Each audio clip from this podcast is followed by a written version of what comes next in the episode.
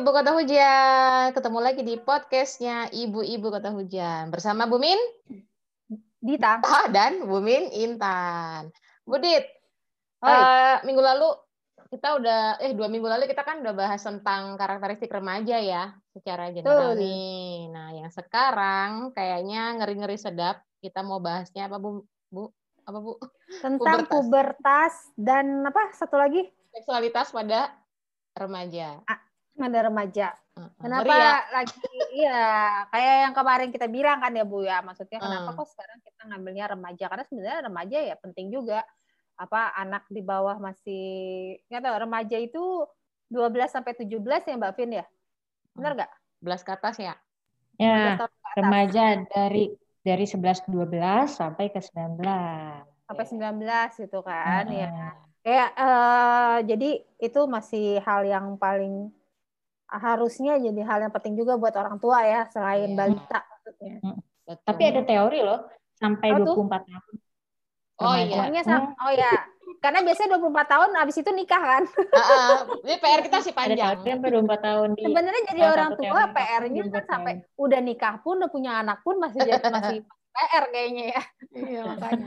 Soalnya kayaknya mama bapak gue tuh masih ngerasa anaknya masih masih remaja, masih kecil. PR, gitu. PR seumur hidup. Mm -hmm. Kan kalau kalau ada yang bilang uh, apa namanya kalau udah menikah tuh beban orang tua sudah lepas. Padahal kayaknya enggak juga sih. Enggak juga. Tetap aja digerecokin sama anaknya. Itulah. Oke kita okay. akan bahas pubertas dan seksualitas pada anak remaja. Uh, nanti sesi pertama akan dijelasin semua secara gamblang detail gitu ya sama Mbak Vinda psikolog anak uh, dari Manda Center. Kemudian nanti sesi keduanya, silakan Bu Dita kalau mau tanya-tanya. Bu Dita duluan yang tanya ntar. Eh, mulu yang kena ya. Ntar yang gua ada kan pengamat dulu, gue pengamat sama pencatat dulu aja. Oke Mbak Vinda, gimana nih kalau ngomongin pubertas? Silakan. Kita mau dari mana dulu mulainya silakan. Mungkin mengenai pubertasnya aja ya. Pubertas dulu, baru nanti tentang kaitannya dengan seksualitas di masa pubertas. Oke. Halo untuk ibu-ibu kota hujan semuanya. Nah, kali ini kita ngebahas lagi tentang masih seputar remaja ya. Kalau kemarin kan tentang karakter remaja itu seperti apa gitu. Lalu eh, cara menangani atau menghadapi ketika berkomunikasi atau ya remaja ada masalah itu seperti apa. Nah, sekarang pada masa remaja juga ada namanya masa pubertas masa pubertas, terus ada juga tentang isu seksualitas juga. Seperti apa ya? Nah, yang perlu kita tahu pertama adalah pubertas. Pubertas ini kan kalau e, kaitannya berarti dengan jenis kelamin perempuan dan laki-laki. Di mana pubertas pada perempuan tentu ya berbeda dong dengan laki-laki. Gitu. Nah, dari mulai uh, hormonalnya itu berbeda gitu ya. Hormonal itu nanti berkaitan dengan nanti juga ada uh, hormon reproduksi juga gitu. Nanti seperti apa? Nah, kita bahas satu-satu. Oke, tahap yang pertama nih mengenai pubertas. Mungkin uh, fisik berarti ya kaitannya ya tentang hormon reproduksi. Nah, biasanya memang uh, hormon reproduksi uh, belum terlihat secara fisik nih uh, di mana indung telur anak perempuan usia 8 sampai 11 tahun sebenarnya memproduksi estrogen dan progesteron. Di mana nah, udah berbicara tentang hormon ya. Nah, jumlahnya memang tidak banyak seperti yang diproduksi oleh perempuan dewasa pada umumnya.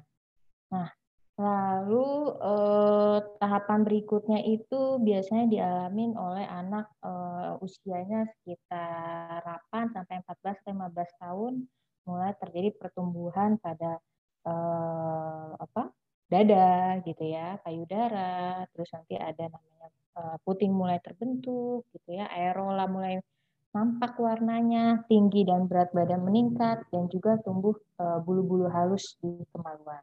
Nah ini eh, terjadi pada perempuan ya jadi ini seputar pada perempuan. Kalau di laki-laki di usia ini juga mulai eh, muncul tapi memang usia lebih cenderung lebih lambat daripada uh, perempuan gitu. Munculnya itu seperti sama rambut kemaluan, terus dada lebih bidang, gitu.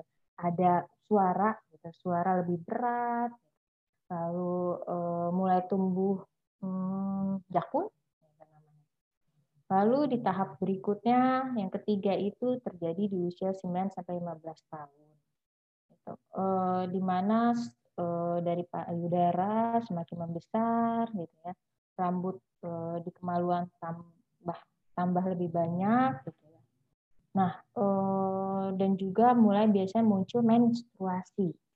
Nah, ini di umur 9 sampai sekitar 15 tahun lah biasanya rata-rata mulai muncul menstruasi. Jadi artinya nanti kita perlu kiat-kiat mempersiapkan pra menstruasinya nih kapan nanti kita bahas di bagian seksualitas.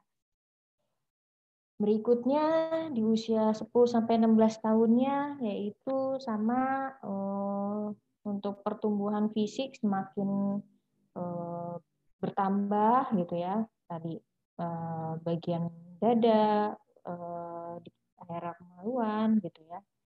Uh, mulai juga yang namanya terjadi tahap ovulasi. Apa itu? Nah, itu mengenai kematangan atau pelepasan sel telur karena kan tadi kan sudah mengalami menstruasi. Nah, biasanya di 10-16 tahun ini rentan nih.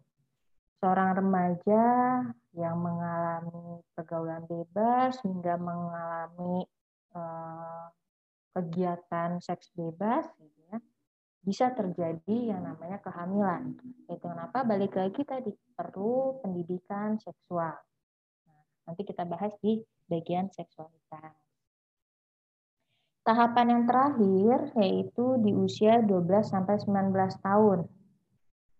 Yaitu muncul e, lebih matang lagi gitu. Sama secara fisiknya gitu ya atau karakteristiknya Uh, kalau perempuannya di bagian dada tumbuh, semakin tumbuh payudaranya, lalu area kemaluan dan periode menstruasi mulai semakin rutin.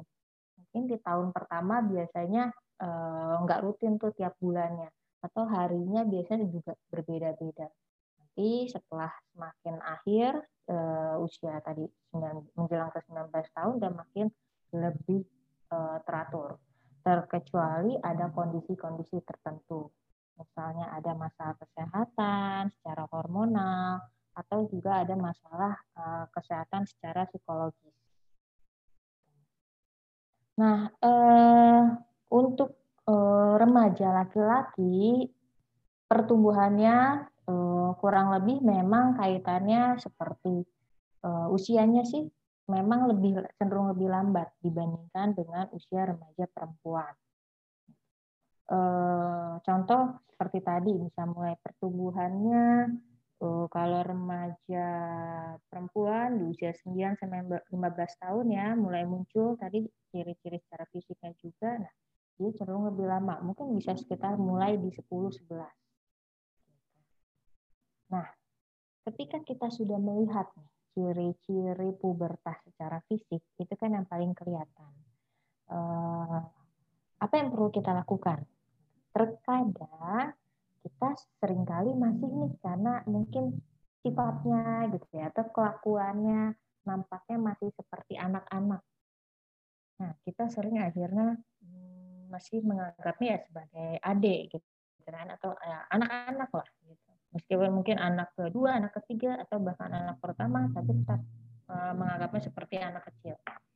Padahal mereka sudah remaja, yang di mana merupakan peralihan dari masa anak-anak menuju masa dewasa. Nah, bagaimana yang perlu kita lakukan? Yang pertama adalah kita perlu bersikap terbuka. Bersikap terbuka seperti apa?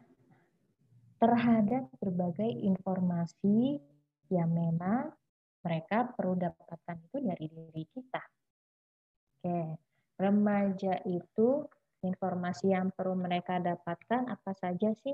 Pertama, mereka mulai ada rasanya uh, ketertarikan dengan lawan jenis.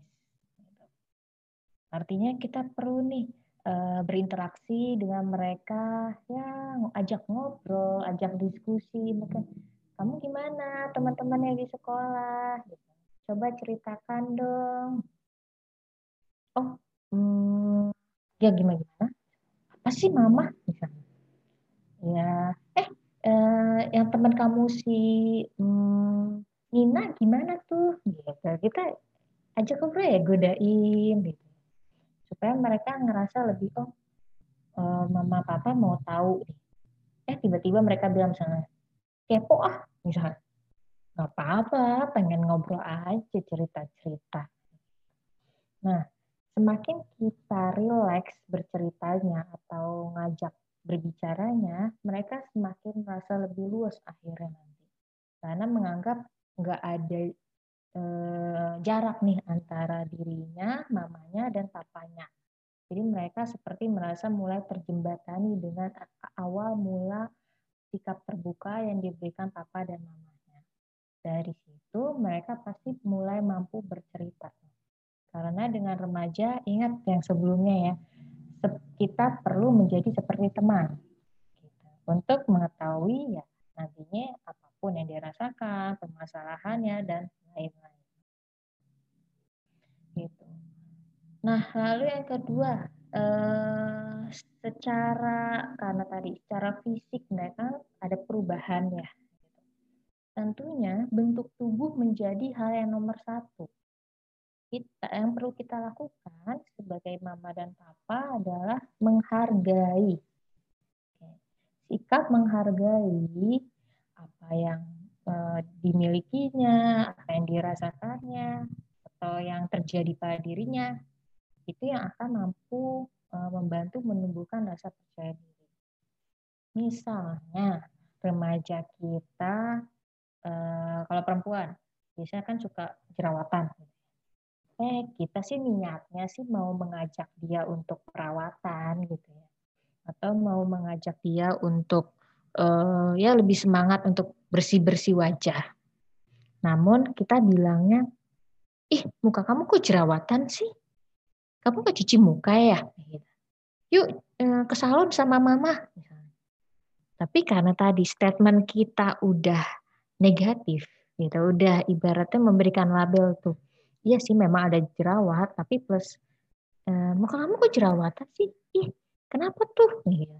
Jadi mereka langsung, hmm, kok aku emang jelek ya, jerawat jelek ya? Langsung tuh panik. Wah ya harus cepet-cepet hmm, cari ini skincare ini ke sini oh, bersih-bersih ya, segala macam lah. Jadi membuat justru rasa pedenya nggak meningkat gitu. Justru ya dia jadi makin makin insecure tuh dengan tubuhnya. Ada sesuatu sedikit nih besok-besok muncul jerawat dikit langsung. Wah, jerawat nih cepet-cepet harus dihilangin. Nah, dengan kita memberikan sikap menghargai, itu eh, tadi membantu rasa percaya dirinya. Lebih baik sih kita mengatakannya dengan, wah, mama lihat eh, muka kamu kayaknya ada muncul jerawat ya tuh. Bener gak sih? Iya mah ini. Misalnya. Oh, eh, mau pakai apa? Nah, kita tanya aja. Tanya, tanya dengan open question gitu ya terus tetap ya tenang aja nadanya nggak perlu kayak kelihatan heboh gitu atau langsung ih kenapa tuh itu yang memberikan pressure pada remaja kita gitu karena buat mereka itu adalah poin utama juga mengenai bentuk tubuh nah berbicara dengan pubertas di sini eh, kita nantinya juga kan akan membahas mengenai seksualitas. Nah, kenapa sih kita harus membahas seksualitas? Pertama, hmm, ini adalah sebenarnya informasi penting yang berjalannya secara berkesinambungan dari usia anak-anak sampai dewasa dari balita sampai uh, remaja lah di, disampaikannya. Kenapa? Karena memang uh, hal ini sudah menjadi suatu apa ya tahapan perkembangan yang memang perlu diketahui dan uh, salah satu tugas yang perlu dijalankan oleh anak-anak sampai remaja juga. Pedomannya seperti apa sih? Nah, di sini saya akan sampaikan mengenai uh, pedoman pemberian informasi seksual untuk anak remaja kita. Uh, dilansir dari the National Parent Teacher Association, ya. Pertama, gitu, yang perlu kita sampaikan untuk anak remaja, uh, ini khususnya usia 11-12 sampai ke usia 15, jadi sekitar kelas 1 sampai kelas 3 SMP. Pertama adalah segala sesuatu yang perlu diketahui oleh anak usia sekolah dasar dan juga prasekolah. Nah, kalau ternyata kita mungkin sempat lost untuk usia sekolah dasar atau prasekolahnya kita belum pernah kasih tahu nih. Atau kita sempat kasih tahunya dengan bahasa yang kurang tepat misalnya. Kita perbaiki gitu ya. Kita bisa mulai e, mengajak bicara remaja kita. Apa itu? Pertama nama-nama yang benar mengenai organ seksual. Apa nama yang benarnya kalau laki-laki organ seksualnya atau alat kelaminnya disebut dengan penis. Kalau anak perempuan, organ seksualnya disebut dengan vagina. Nah, kita sampaikan hal Nah, perlu nih dikasih istilah-istilah biasanya kan uh, karena dianggapnya tabu gitu ya. Dan memang kitanya sebagai orang tua juga nggak terbiasa mendengar hal itu gitu. Mungkin pendidikan yang kita dapat dulu juga nggak disampaikan gitu ya secara lugas oleh orang tua kita kita bisa bilang nih Eh, kepada anak eh, mengenai eh, jenis apa masing-masing nama alat kelaminnya. itu untuk tahap yang pertama. Lalu yang kedua mengenai organ reproduksi tadi sudah ya. oh, itu nama-namanya ya. Nah, ini mengenai kebersihannya, kebersihan organ reproduksi. Kalau udah tahu namanya, kebersihannya juga perlu seperti apa cara membersihkan untuk anak perempuan, seperti apa cara membersihkan untuk anak laki-laki. Gitu. Lalu yang berikutnya mengenai kehamilan. sering kan mungkin anak umur 6 tahun gitu ya, SD suka tanya, Mama hamil-hamil apa sih? Gitu. Kok ada dede dari mana? Nah, itu kita kasih tahu tuh mengenai proses kehamilan itu seperti apa. Itu termasuk berarti dari uh, proses uh, apa adanya hubungan antara mama dan papa.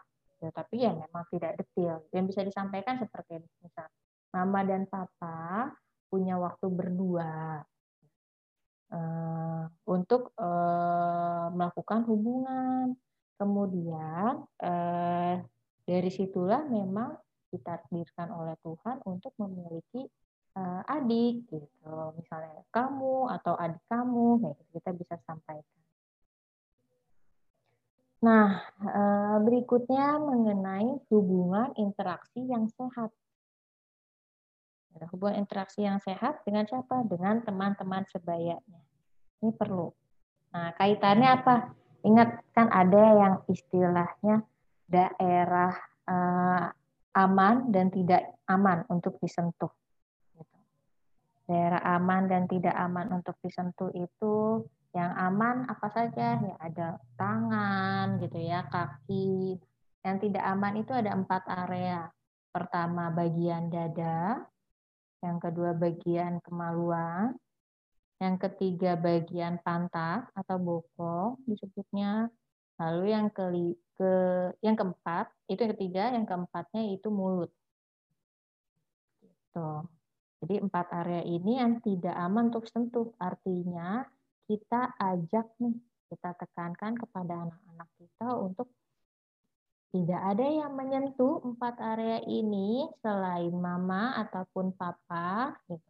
ataupun dokter tapi dengan pengawasan mama dan papa gitu. Misalnya kamu lagi sakit, harus uh, dicek, terus dibuka bajunya, dicek misalnya dadanya, ya kan di situ ada mama dan papa. Jadi uh, kalau misalnya ada yang menyentuh, berarti harus berteriak, gitu, atau menghindar, berlari. Gitu. Jadi melakukan tindakan-tindakan yang memang menunjukkan penolakan. Nah, Eh, karena sudah mengetahui adanya batasan area yang tidak aman untuk disentuh, artinya juga dia tidak boleh memperlakukan juga kepada orang lain. Artinya dia yang menyentuh orang lain, sama. Kalau dia tidak boleh sentuh, termasuk juga dia tidak boleh menyentuh orang lain. Itu yang perlu kita sampaikan. Kalau memang semasa SD dan prasekolahnya belum kita sampaikan, gitu ya. Nah, sebaiknya memang untuk pendidikan seksual itu disampaikannya kepada eh, kalau anak laki-laki itu oleh papahnya, anak perempuan itu oleh mamahnya. Supaya memang sama-sama nih jenisnya. Terkadang ada pertanyaan-pertanyaan lanjutan yang cukup eh, ajaib gitu ya, yang cukup nanti kalau eh, anak laki-laki yang menjelaskan mamahnya nanti mamahnya ditanyain. Misalnya tentang apa ya biasanya suka muncul ada mah oh, karena lagi dijelaskan mengenai mimpi basah. Anaknya tanya rasanya seperti apa sih? Nah mamanya kan bingung karena nggak pernah mengalami mimpi basah jadi bingung rasanya gimana lalu apa yang terjadi. Hal apa kan bisa bercerita memberikan gambaran sehingga mereka ketika hal itu terjadi bisa langsung tahu oh ini tuh mimpi basah. Gitu. itu ya. Nah itu yang perlu disampaikan tuh nah kalau itu sudah disampaikan untuk di anak remaja kita yang berikutnya adalah mengenai pembuatan keputusan-keputusan seksual. Apa misalnya? Ketika mereka tertarik dengan lawan jenis. Mereka kan ingin um, mungkin ingin pegangan tangan gitu ya ingin peluk. Nah itu kita perlu berikan edukasi tuh.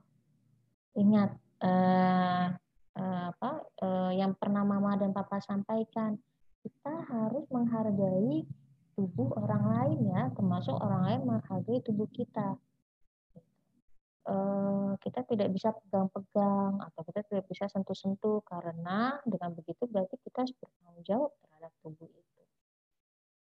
Jadi dengan adanya diskusi yang biasa kita lakukan itu sangat membantu sekali buat anak lebih mengerti dan lebih terbuka nantinya.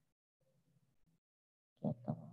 Lalu eh, kita juga bisa menjelaskan mengenai, nah ada namanya perkembangan emosi nih terkait dengan eh, ketika munculnya pubertas gitu.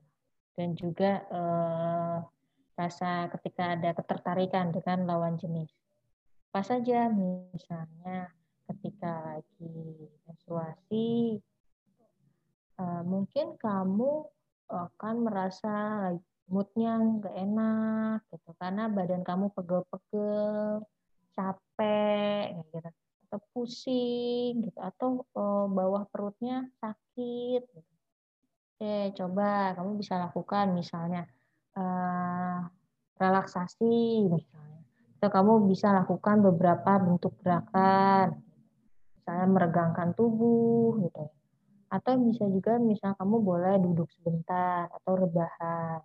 Jadi uh, ada langkah-langkah yang bisa kita beri berikan kepada anak gitu, supaya mereka tahu nih oh apa yang bisa saya lakukan ya ketika moodnya lagi kayaknya oh, lagi meluap-luap gitu. yang di mana ternyata tadi ciri pubertasnya lagi muncul gitu. hormonalnya ya justru lagi berubah kan?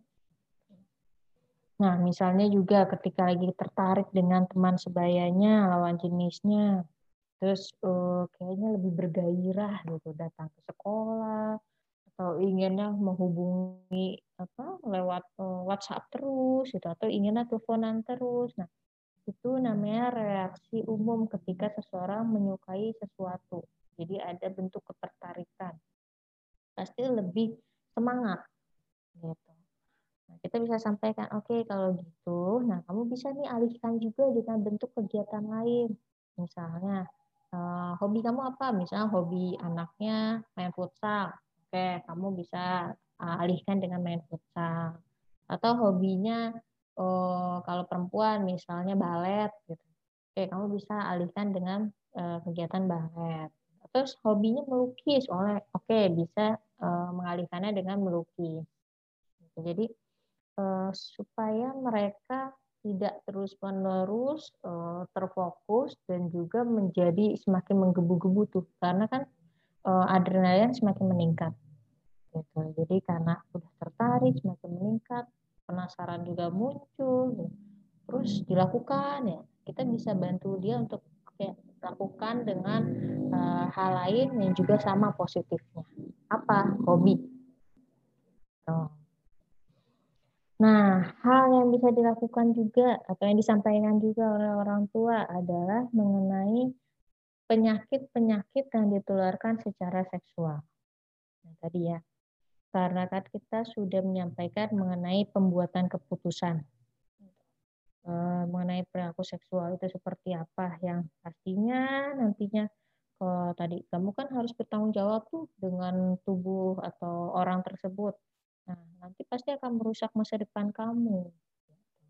Pasti gambarannya seperti apa. Gitu, misalnya memiliki anak di uh, usia dini, merawat, gitu, di mana kamu harus sekolah, mungkin kuliah dan lain-lain termasuk juga adanya penyakit-penyakit gitu karena apa karena organ reproduksi belum sepenuhnya matang ada penyakit menular seksual belum lagi misalnya ada infeksi saluran kemih misalnya apa pun itu. Jadi ada penyakit-penyakit.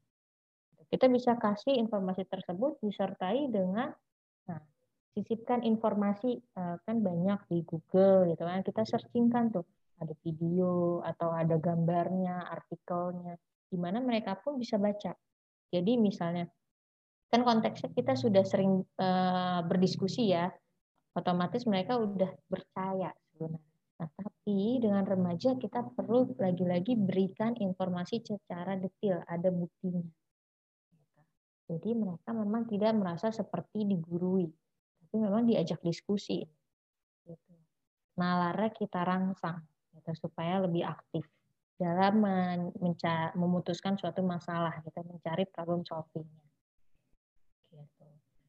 nah eh, dengan ada diskusi ini justru membuat mereka akhirnya mendapatkan informasi yang baik gitu ya. Nggak mencari-cari ke teman-teman uh, sebayanya gitu atau di tempat-tempat lain. Sehingga mereka juga akhirnya muncul tuh yang namanya rasa tanggung jawab atau uh, kemampuan membuat keputusan untuk misalnya ada teman yang ngajak sesuatu, mengajak uh, melakukan pergaulan bebas atau perilaku-perilaku uh, negatif lainnya itu mampu tuh mereka melakukan apa? mengatakan penolakan. Nah, kalau tadi sampai di usia 15 tahun, nah berikutnya dari 16 sampai sekitar 19 tahun ya, atau usia SMA, ya, yaitu pertama adalah hal yang perlu diketahui oleh anak usia SMP-nya. Nah, usia SMP tadi ya yang sudah saya sampaikan. Yang berikutnya ada mengenai kencan dan menjalin hubungan dengan lawan jenisnya. Sama. Biasanya kita harus lebih tegas lagi. Karena kalau SMP mungkin masih suka-suka gitu. Aku suka sama teman sekelas aku gitu atau uh, temen di sebelah kelas aku gitu kan atau uh, itu tuh yang uh, kelihatan nggak tahu temen kelas mana ya. Terus sekarang udah sampai kencan karena mereka biasanya udah tertarik terus ini nanti jalan berdua nonton atau mungkin pergi ke toko buku gitu atau apa pun lah gitu. Nah hal ini perlu kita sampaikan gitu misal mengenai apa itu kencan, gitu. terus eh, apakah itu diperlukan saat ini. Gitu. Nah, kalau untuk beberapa agama itu juga bisa dikaitkan. Jadi nilai-nilai agama itu eh, perlu dikaitkan eh, ketika memberikan pendidikan seksual kepada anak. Lalu eh, mengenai eh, kontrasepsi. Nah, mereka juga karena tadi ya udah semakin intens nih dengan eh, lawan jenisnya, komunikasi gitu terusnya. Eh, mungkin ingin berdua. Nah, kita juga mereka pasti biasanya sudah mulai banyak tuh tanya-tanya apa sih eh, kontrasepsi itu gitu. Eh, kita jelaskan apa kontrasepsi, fungsinya apa, siapa yang bisa menggunakan, kenapa itu ada, yang di mana gitu. Ya sama, itu karena kebutuhannya untuk apa gitu. Nah, nanti kita sampaikan dan memang itu untuk semua dilakukannya ketika sudah menikah. Gitu. Diberikannya ketika sudah menikah, dipakainya untuk mencegah misalnya supaya tidak punya oh, adik lagi sementara gitu, menunda dulu kehamilan, fungsinya untuk itu. Gitu. Jadi bukan misalnya untuk uh, di masa remaja gitu untuk uh, melakukan hubungan seks di masa remaja agar tidak hamil tidak seperti itu gitu jadi karena remaja bisa sering salah kaprahnya adalah seperti itu. Fungsinya kontrasepsi ada ada untuk mereka bisa gunakan juga. Gitu. Nah di sinilah peran orang tua sangat penting sekali memberikan edukasi kepada remaja. Karena Eh, di luar sana, ketika kita merasa tabu terhadap pendidikan seksual dan masa pubertasnya remaja, eh, mereka justru eh, tadi ya secara hormonal sudah berkembang, fisik juga berkembang, rasa ingin tahu juga semakin berkembang. Ditambah di masa sekarang ini teknologi kan sangat jauh ya, berkembangnya juga udah pesat. Informasi banyak datangnya. Dengan mudah eh, melalui jari, sekali tunjuk gitu ya, sekali pencet atau ketik-ketik dengan huruf apa menjadi kata itu langsung muncul hanya menggunakan smartphone. Nah, artinya mereka justru lebih cepat mendapatkan informasi. Kalau ya informasi yang mereka dapatkan itu dari sumber yang tepat, misalnya mereka bertanya pada profesional, bertanya pada uh, dokter gitu ya, atau kepada psikolog atau mungkin kepada guru. Nah, kalau mereka hanya bertanya kepada uh, temannya atau hanya asal searching gitu ya, asal browsing, yang muncul itu banyak yang muncul banyak apa mulai dari gambar, video hingga akhirnya ya berbagai konten. Nah, eh, akhirnya eh, mereka jadi lebih tertarik gitu, untuk eh, apa, eh, melakukan eh, browsing-browsing selanjutnya. Nah, namun ketika kita sedari dini memang sudah memberikan pendidikan seksual, hal ini bisa dicegah kok. Dari kapan? Kalau tadi ya untuk masa remaja kita bisa mulai dari usia saya ingatkan lagi yang podcast sebelumnya sudah ya disampaikan. Berarti kita bisa sampaikan dari usia 7-8 tahun. Ya. 7, 8, 9, oke okay lah gitu. Kalau misalnya anak saya baru nih mulai 9, bisa telat nggak ya? Enggak kok. Gitu. apa-apa. Mulai diinformasikan tadi sesuai step-stepnya. Gitu. Oke, mungkin sementara Aduh. itu dulu ya, ibu-ibu bapak hujan. Iya. Makasih dan Mbak Vinda. Bapak-bapaknya. Aku ngedengerinnya sambil apa dredek-dredek gimana gitu karena ternyata PR-nya banyak. Asalnya tek perempuan ngeri. Terus begitu poin iya, mengingatkan mengingatkan poinnya kan tadi banyak tuh uh, yang mesti diajarin. Nah, begitu ngomongin mm -hmm. fungsi reproduksi, kehamilan, penyakit ini eh, lemes lemes lemes lemes gitu. Langsung kebayangnya, wow, panjang ya PR kita. Oke deh. Panjang lah. Mau anak perempuan, mau anak laki sama aja, Bu. Sama hmm, deg-degannya. Tapi soalnya kan gini, kalau zaman dulu tuh kesannya uh, lebih ke ini. Ya kan uh, anak perempuan, kamu tuh anak perempuan kayak gitu ya. Kalau mm -hmm. misalnya nyokap mm. nyokap bokap gue tuh, oh anak perempuan, adik gue kan cowok nih.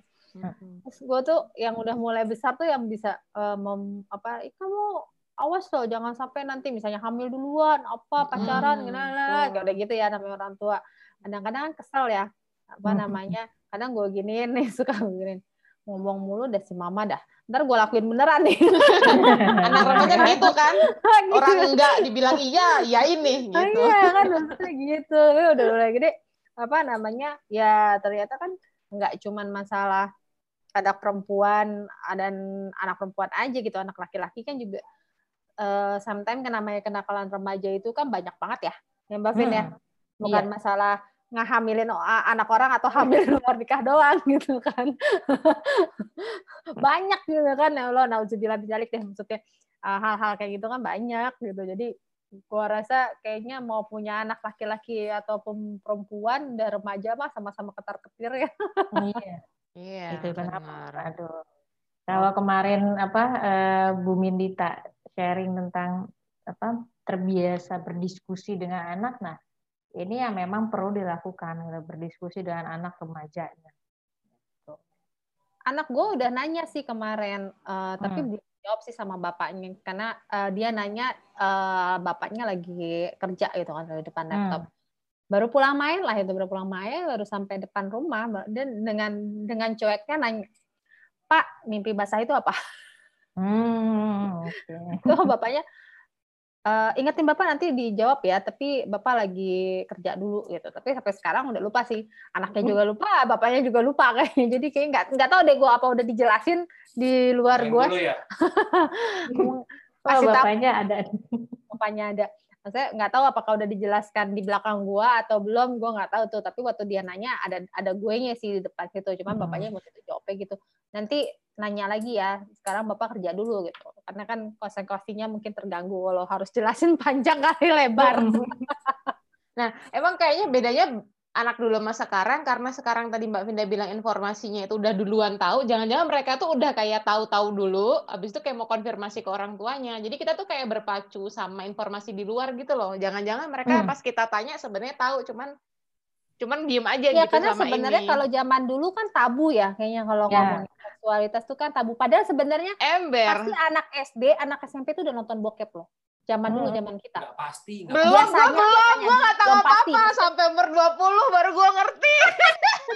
Umuran lo yang denger protes kok gue belum? Berarti gue banget iya kan itu umur 20 Cukup baru banget. Gue 20 baru ngerti bagaimana cara prosesnya itu 20-an bayangin begonya saya. Ya, ini tolong dikat. Enggak kok, enggak bego. enggak, maksudnya zaman dulu cuma kan dulu informasi tentang itu terus apa namanya uh, ketakutan kita ke, terhadap orang tua kan menutupi ya gitu. Kayaknya hmm. dulu gue kayaknya jarang banget deh nanya, maksudnya nanya uh, apa namanya adik itu lahir dari mana gitu tuh kayaknya gue udah tahu duluan jadi gue gak nanya Oh, gimana ya dulu kayaknya kita kurang kurius ke arah gitu deh. Nggak tahu ya kalau sekarang ada takut banget. gitu loh Tan. Mau nanya itu ya, orang buru takut duluan. Ya, ya, ya. Takut maksudnya karena gua, mau nanya apa gue menstruasi aja tuh gue mau ngasih tahu nyokap gue tuh kayak takut, takut, gitu ya, kan. iya. Ah, uh, gitu kayaknya kalau anak sekarang kayaknya cek-cek aja ya udah maksudnya ya ya mungkin karena mungkin sekarang prosesnya anak sama orang tua udah kayak teman kayak gitu kan hmm. kalau zaman dulu kan kelihatan banget tuh ya gue orang tua lo anak no. kita jadi takut duluan Iya, nggak usah nggak usah bicara itu misalnya eh, apa ya misalnya aja hmm, mau apa mau kita membicarakan oh ini misalnya eh, kalau sekarang mungkin orang tua sudah beberapa yang teredukasi misalnya ketika anak memegang kemaluannya gitu. Ya tidak langsung di eh, bentak gitu ya dipotong gitu. Nah kalau dulu kan eh kamu awas jangan dosa gitu. Ya pegang-pegang. Gitu. jadi ya gimana mau selanjutnya mau ngomongin menstruasi dan lain-lain gitu kan iya sedangkan informasi dulu datangnya dari iya. gak jauh-jauh dari guru dari orang tua gitu. teknologi sedikit kan gitu mudah-mudahan ini yang ibu kota banget. hujan uh, ayah kota hujan bukan golongan yang tabu membicarakan apa namanya uh, mengenal alat kelamin dengan baik, menyebut dengan baik hmm. dan cara membersihkannya itu nggak nggak tabu bicara itu sejak anak kecil gitu kan. Biar hmm, biar ya, ya. biar kesenambungan gitu loh sampai udah gede kan nggak perlu ngulang lagi ya. dari awal ribet banget kan ya, ngajarinnya. Ya, tadi jadi mundur dulu tuh yang saya sebutkan. Iya. Karena kan sebenarnya anak-anak kan sebenarnya akan belajar juga tentang biologis ya. dia gitu nah, kan. Kalau sekarang udah ada kita... kurikulum. Ah iya, gitu. uh, ya, betul betul sebenarnya. betul. Makanya dulu zaman kita kan SMP pun udah sebenarnya udah uh, secara garis besar kan udah di udah dikasih tahu ya ini sari roti lewat mulu setiap kali podcastnya ini sari roti ikan. Nggak gue usah podcast tahu. Live juga dia lewat loh gue nggak ngerti deh. Gue live sore live pagi live malam ada jadi ini hiburan ajak jadi sponsor gitu. Nikah selalu ada itunya. Sari roti. Jadi kalau misalnya emang di komplek gue tuh banyak buka roti lewat jadi nggak sari roti lah nggak apa gitu beda sama kompleknya Bu Intan beda. Gak ada gue kering kerontang. iya maksudnya kayak gitu apalagi sekarang kan apa namanya tapi eh, kalau anak gue nggak tahu deh maksudnya sama sih kalau anak gue tuh sekarang udah mulai tahu malu ya ya bahkan hmm. yang anak tahun pun maksudnya mau mandi kalau ada misalnya ada orang lain selain kita nih atau kakaknya kayak gitu tuh udah nggak nggak mau kalau misalnya ada orang gitu. Nanti tunggu tunggu orangnya pergi dulu baru mandi atau apa kayak gitu gitu sih. Udah mulai tahu uh, malu. Kadang-kadang ah, dia mau mandi di luar ya tapi dia masuknya mandi di luar misalnya di garasi gitu ya. Yang nggak mau buka baju.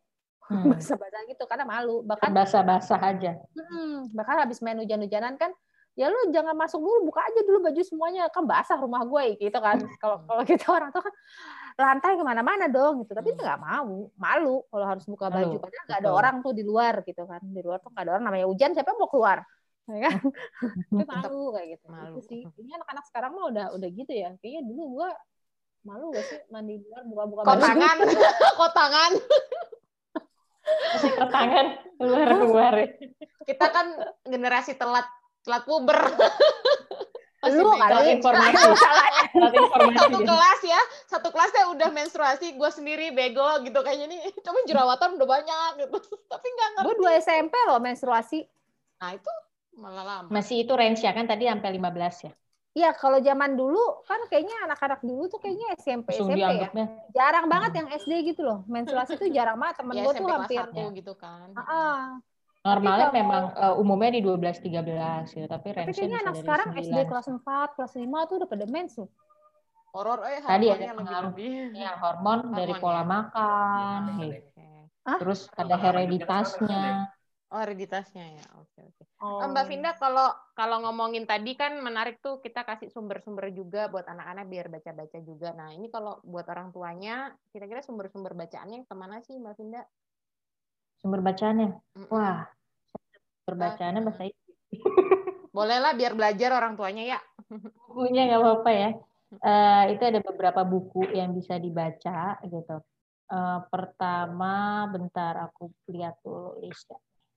Ya dua hmm. lah gitu. Eh ya, dulu itu. tuh gue beli loh buku. Tapi siapa ya yang enggak maksudnya anak gue masih kecil. Hmm. apa ya namanya? Bukunya itu sama. gue ada namanya uh, apa uh, talking with kids about uh, sex talking with kids and teen about sex gitu. Oh, itu ada okay. itu gitu. Uh, banyak jadi, kayaknya sekarang ya buku-buku banyak banyak, banyak. Mm -mm, kalau kalau maupun kapal. kalau yang buat anak-anak sekarang udah ada kok kart apa kayak kayak bentuk kartun gitu buku cerita itu udah ada Iya, jadi uh, misalnya orang tuanya gagap, misalnya nggak enak memulai, paling nggak dikasih buku atau di ya buku-buku yang lucu biar anaknya ada bahan obrolan dulu lah pembuka kayak gitu. Atau kan bisa juga baca bukunya Growing Up Parents Guide itu juga bisa. Oke. Itu juga okay. bagus juga sih itu Indonesia kok. Oh. Berita dia nggak ditanyain lagi nih. Tadi soalnya sih udah penjelasannya udah jelas sih ya apa yang mesti perubahannya seperti apa, kemudian hmm. apa poin-poin yang mesti diajak ngobrol ke anak berdasarkan rentang usianya tadi kalau menurut aku sih udah jelas gitu udah jelas sih ya tinggal hmm. kalau anakku sih belum kelihatan banget ininya sih karena ngomong suara masih belum berubah hmm. suara masih masih suara anak-anak tapi teman-temannya udah banyak Eh sebelas tahun depan dua belas. Oh iya kan pra remaja. Iya. Tapi ada yang udah berubah ya. tuh suara. Tapi uh, katanya mimpi basah belum, tapi uh, si uh, suara udah berubah ya dia. Ya? udah udah beger, udah beger. Kalau information gua nggak pernah nih basah. Oh iya nggak tahu deh. Katanya kalau laki gue katanya nggak pernah mimpi basah. Entahlah. Ya, jangan beger. Tapi beger. Tapi langsung gede. Langsung gede. Kan? Pakai mimpi basah mungkin jadi. Nggak pakai mimpi basah. Tapi udah. nggak nggak tahu juga dia apa itu. Tiba-tiba Tapi dewasa. maksudnya suara udah gitu. Suara tuh udah mulai udah mulai udah ngebas, udah beger tuh Mm-mm. ada. Tapi kalau Mika belum, Masih- masih suara anak-anak. Masih suara anak-anak. Masih ini dia masih bocah sebenarnya. Udah remaja. Iya, udah remaja. Kalau kelakuan mah udah banget, udah BG banget lah. Udah remaja, udah banget ya kan kemarin kelakuan muncul udah menunjukkan. Iya, betul. Maksudnya dengan tapi ceritanya dan ketertarikan dengan teman ya. Mm-mm, mm-mm. ya, tapi nggak cuma masalah dengan teman doang sih. Kemauan juga beda ya. Maksudnya Mm-mm. uh, moodnya juga lebih luar Moodnya biasa. Mereka pun lebih kalau udah nih udah suka sama sesuatu tuh bisa tertariknya tuh uh lebih apa ya lebih semangat Iya. lebih antusias kayak. Betul. Awalnya tertarik nih, ntar dicoba eh, kayaknya susah, tinggalin. gitu. Kemarin eh, hampir setengah jam lah di mobil diceramahin sama bapaknya. Nggak ceramahin sih, eh, ya diskusi lah. diskusi ya gitu. Diskusi satu arah. Satu arah. Maksudnya. lu mau bilang diskusinya satu arah dua arah Iya satu arah. Dianya cuma "Mm-mm, ya enggak enggak mau. Ya tahu. Tapi emang lebih sering begitu sih dibandingkan sama gue. Emang bapaknya lebih sering untuk ngob- ngobrol sama Ngobrol, ya. lebih lama ya. Gitu. Mm-mm. Biasanya nggak ada gue gitu. Mungkin kalau ada gue, uh, gue kan suka nambah-nambahin. Jadi kayak drama gitu. Foto memonya. sama ibunya jadi bumbunya jadi banyak ya Bumbunya jadi banyak gitu kan. Terus dia lupa semua poin-poin pentingnya lupa terus karena bumbu semua. Iya, heeh. jadi nih sama bapak. Jadi gue kemarin tuh ada gue di situ dan gue diam aja sih. Oh, mbak bawel banget bapaknya nih. Gue kalau jadi anaknya puyeng nih gue. Tapi ya mau nggak mau sih ya, karena kan kayaknya anak remaja itu emang harus dikasih tahu juga, dikasih tahu terus menerus gitu ya mbak. Karena kayaknya yang dia ingat cuma berapa persen. Pasti pulang-pulang.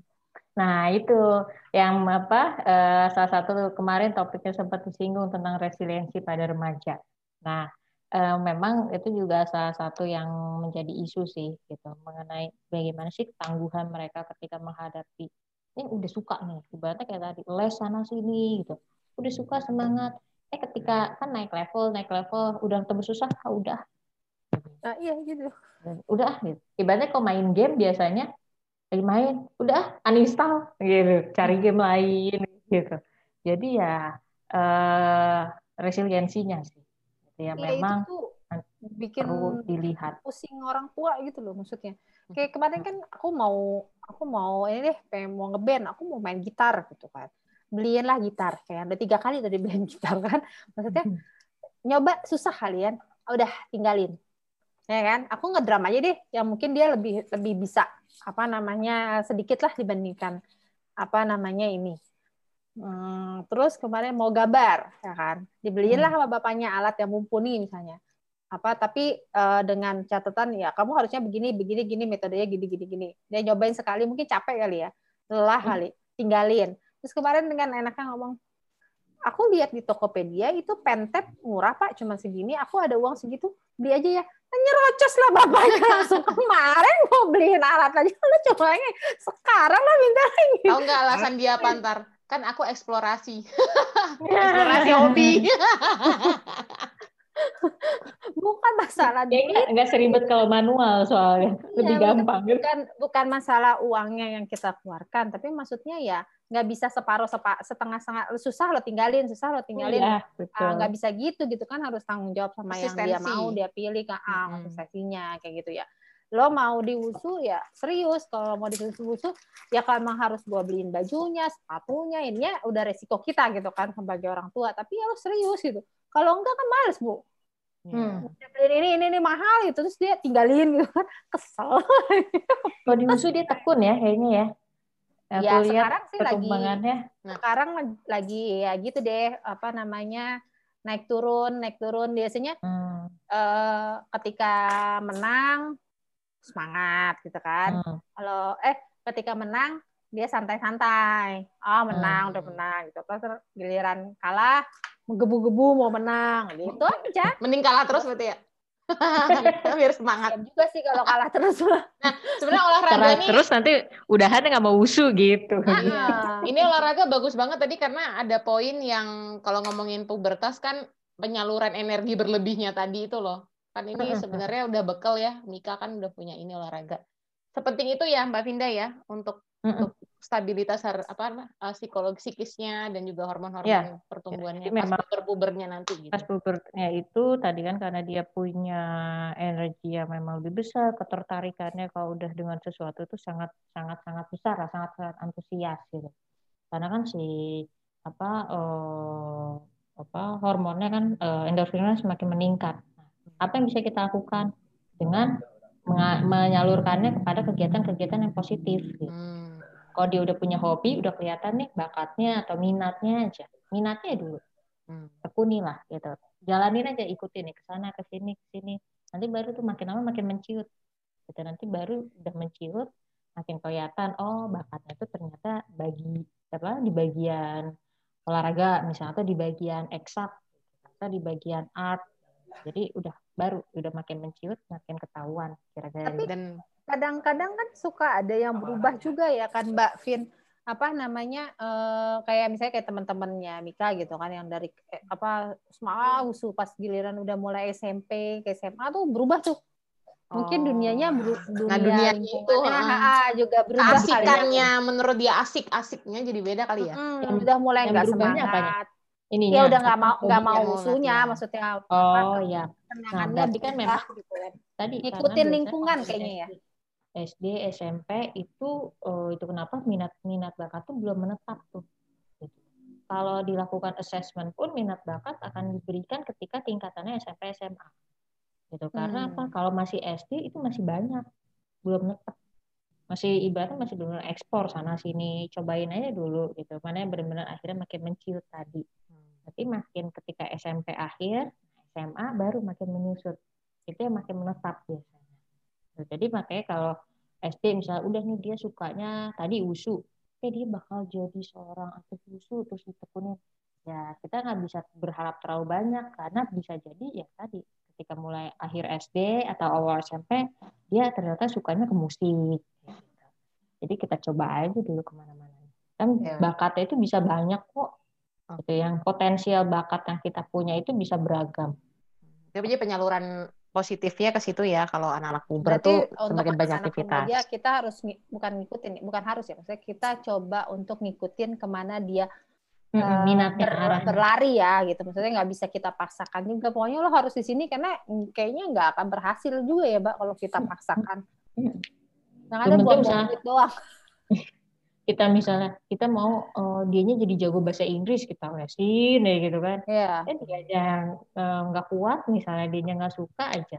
Udah nggak bisa tuh. Ya benar ya benar-benar. itu terjadi juga sama Mika soalnya maksud gue gue pengen ya pengen lah anak gue bisa bahasa Inggris gitu kan gue hmm. lesin. Hmm. di tempat kursus yang menurut gue tuh menyenangkan lah gitu kan bukan yang ini yang bukan yang serius-serius. Tapi memang kalau emang anaknya nggak mau ya jadi dia diem aja kan gitu. Nggak nggak aktif gitu. Ngapain bayar bayar mahal gitu. Kan udah di rumah lah belajarnya mama bapak gitu kan.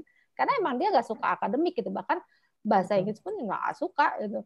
Ada kalau misalnya misalnya ke toko buku ini mik nih uh, buku import gitu kan misalnya. Ini tapi bahasa Inggris. Ah nggak jadi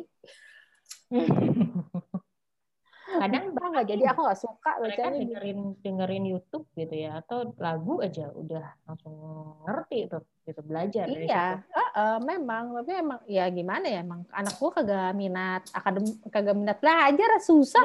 Mau suruh belajar ribet dulu sama gua. Musik kali ya di musik belajarnya. Biasanya kan gitu kita ya, dulu mudanya di musik. gitu. Bakat. anak ini anak otak kanan Mbak Vin kreatif oh. dan art ya. Kanannya oh, banyak banget. ya Ha-ha. kanannya banyak banget jadi susah gitu. Jadi emang yang banyak dominan. Kayak bapak dominan. Lebih berwarna ya. Eh, lebih kayak serabutnya lebih padat. Ya, jadi kalau misalnya kayak dia disuruh nulis sama disuruh gambar, nulis nih belum selesai kita misalnya ajak ayo Mik uh, keluar gitu. Oh, udah selesai berhenti itu. Tapi kalau dia lagi gambar, ayo Mik keluar. Entar dulu Bu, belum selesai, Bu, belum selesai. gitu hmm. jadi emang sukanya begitu kalau disuruh belajar wah mencari alasan Mbak Pinda, uh, kira-kira ada poin ya. apa lagi yang perlu kita perhatikan untuk pubertas dan seksualitas ini? Karena waktu, hmm.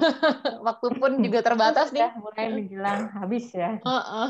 ya uh, apa ya pesan dari saya sih memang uh, tadi uh, pertama kenali uh, poin poin ciri fisiknya dulu gitu ya ciri fisiknya apalagi kalau memang anaknya udah usia lah tujuh delapan ya berarti tadi udah mulai kita kasih edukasi pra remajanya mengenai menstruasi yang perempuan laki-laki mimpi basah lalu nah ketika sudah mulai usianya nih di 9 tahun kita udah prepare tuh makin juga kita jangan oh tadi mana udah tuh di umur 8 tahun udah kita sebutkan gitu. Terus 9 tahun udah kita lupakan. Enggak, kita ulangi lagi. Untuk masalah pendidikan seksual itu kita beri informasi secara berulang boleh. Kita bisa lakukan. Nah, eh, setelah kita memberikan ciri fisiknya, informasinya, kita perhatikan tuh, oh udah ada perubahannya dan lain-lain. Nah, kita ingat ya tadi ya sikap terbuka dan sikap menghargai itu aja. Karena sering kali yang poin dasar ini nih yang orang tua suka lupa sikap terbuka dan sikap menghargai. Karena ya sering kali menganggapnya masih kecil, masih kecil gitu. Apalagi ikut-ikut gitu kan. Karena suka ikut ke sana, ikut ke sini gitu. Ya, jadinya menganggapnya seperti itu. Tapi dengan ada sikap terbuka dan menghargai, pasti nantinya si komunikasi dengan cara berdiskusi ini akan terbentuk kok. Gitu. Oke, itu ya ibu-ibu, ayah-ayah, poin-poin dari Mbak Vinda. Nanti kalau misalnya dia mau konsultasi, masih bingung gitu ya penjelasannya tentang anak remajanya, bisa langsung aja ke Manda Center ya Mbak Vinda ya. Follow at, at Instagramnya Pak, at, at Mandas Center. At underscore center. center. Underscore center. Oke deh, mudah-mudahan podcast hari ini kita uh, bermanfaat, nggak bisa Selamat berbingung-bingung ya. Selamat bingung aja dulu, aku juga bingung. uh, podcast kita nggak menyelesaikan masalah sih, nambah masalah iya, iya sebenarnya. Nambah masalah aja gitu. Langsung soalnya langsung ngeriwain. Tadi buku apa? Buku apa gitu. Yarin. Soalnya gue uh, terakhir gue uh, menemukan uh, uh, di Instagramnya sebenarnya anak gue lagi suka mungkin perlu ada nonton anime. Hmm. You know lah kan anime apa namanya sebenarnya nggak nggak masalah sih gitu. Cuma ketakutan gue aja takutnya dia gimana gimana gitu kan. Terus gue curhat lah sama bapaknya gitu. ya lah biarin aja kita awasin aja gitu kan. Maksudnya nggak bisa dilarang juga.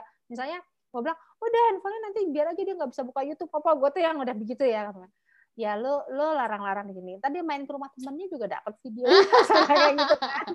Nggak bisa lolos. gitu. Nggak bisa nggak bisa dijagain 100% gitu yeah. kan. Apa namanya mau gimana. Tapi gimana caranya ya kita harus jelasin. Yang kamu tonton tuh begini isinya tuh begini begini begini gitu.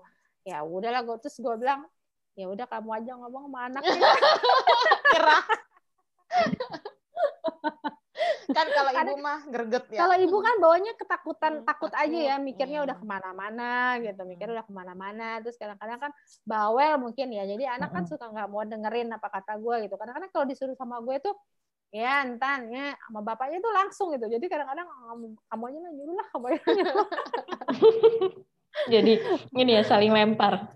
Kamu aja, kamu aja gitu Nah, karena guanya juga nantinya jadinya baper kan kok sama gue gak mau disuruh sama bapaknya langsung mau disuruh. Padahal sebenarnya mungkin anak umur segitu kan bayar banget sih ibu ngomong mulu nih cerah cerewet banget sih.